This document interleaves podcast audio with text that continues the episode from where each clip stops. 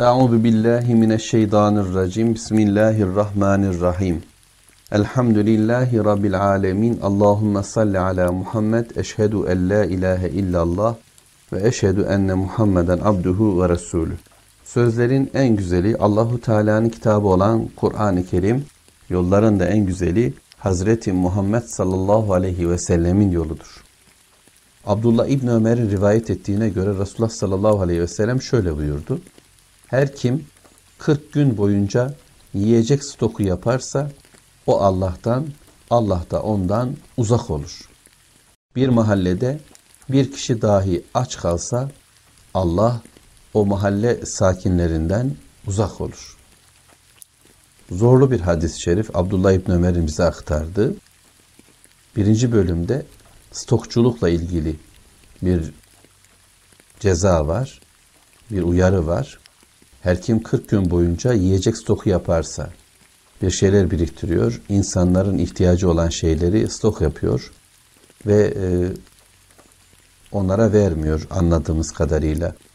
Değilse bugünkü bizim yaşadığımız dünyadaki biriktirmeleri de gündeme alacaksak, bu hadis-i şerif ona da işaret ediyorsa, vay ki başımıza gelenlere.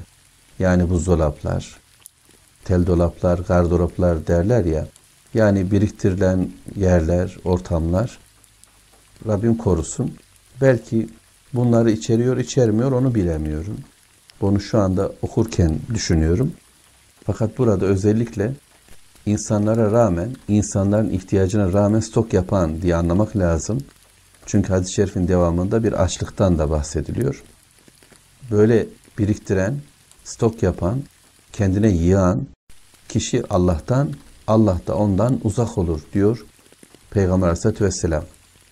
İkinci bölümde ise bir mahallede, bir yaşantı ortamında bir kişi aç olsa o mahalle sakinlerinden Allah uzak olur.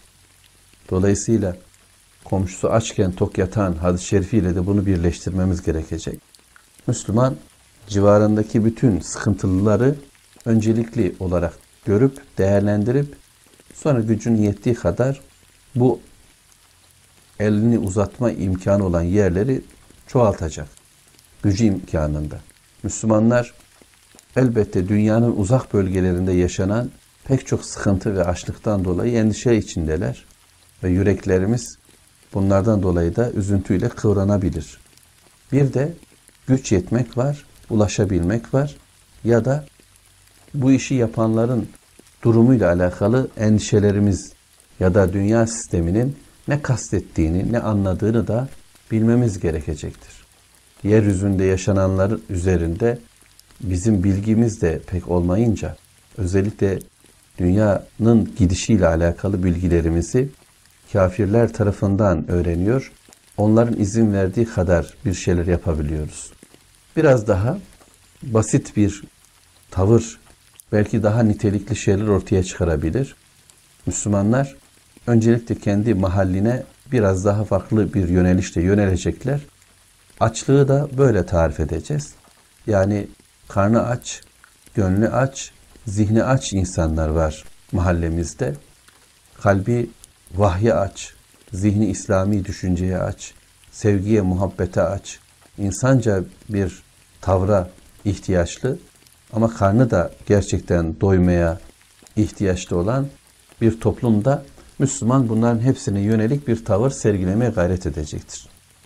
Bizim mahallede böylesi bir fakir, böylesi bir aç bulmak imkansız olabilir. Bir de bu var.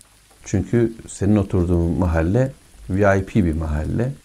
Yani insanların hepsi aç zaten o mahallelerde. Ama üç arabası var ama dördüncüye aç. Beş ev var ama altıncısına aç. Şu kadar gardırop dolusu elbisesi var ama bir dolaba daha aç.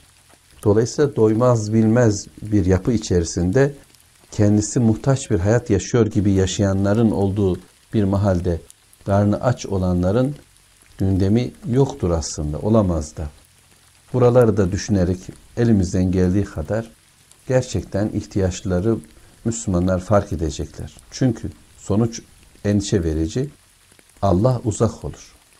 Böyle bir dünyadan, böyle bir memleketten, böyle bir diyardan, böyle bir şehirden, böyle bir mahalden, böyle bir evden Allah uzak olur. Bu bakımdan kendim doymalıyım, karnımı doyurmalıyım ama doyurmalıyım. Sonra insanlara ulaşmaya çabalayacağım. Ama zihnimi de doyurmalı, gönlümü de doyurmalıyım ki Allah benden uzak olmasın. Velhamdülillahi Rabbil Alemin. Allahümme salli ala Muhammed.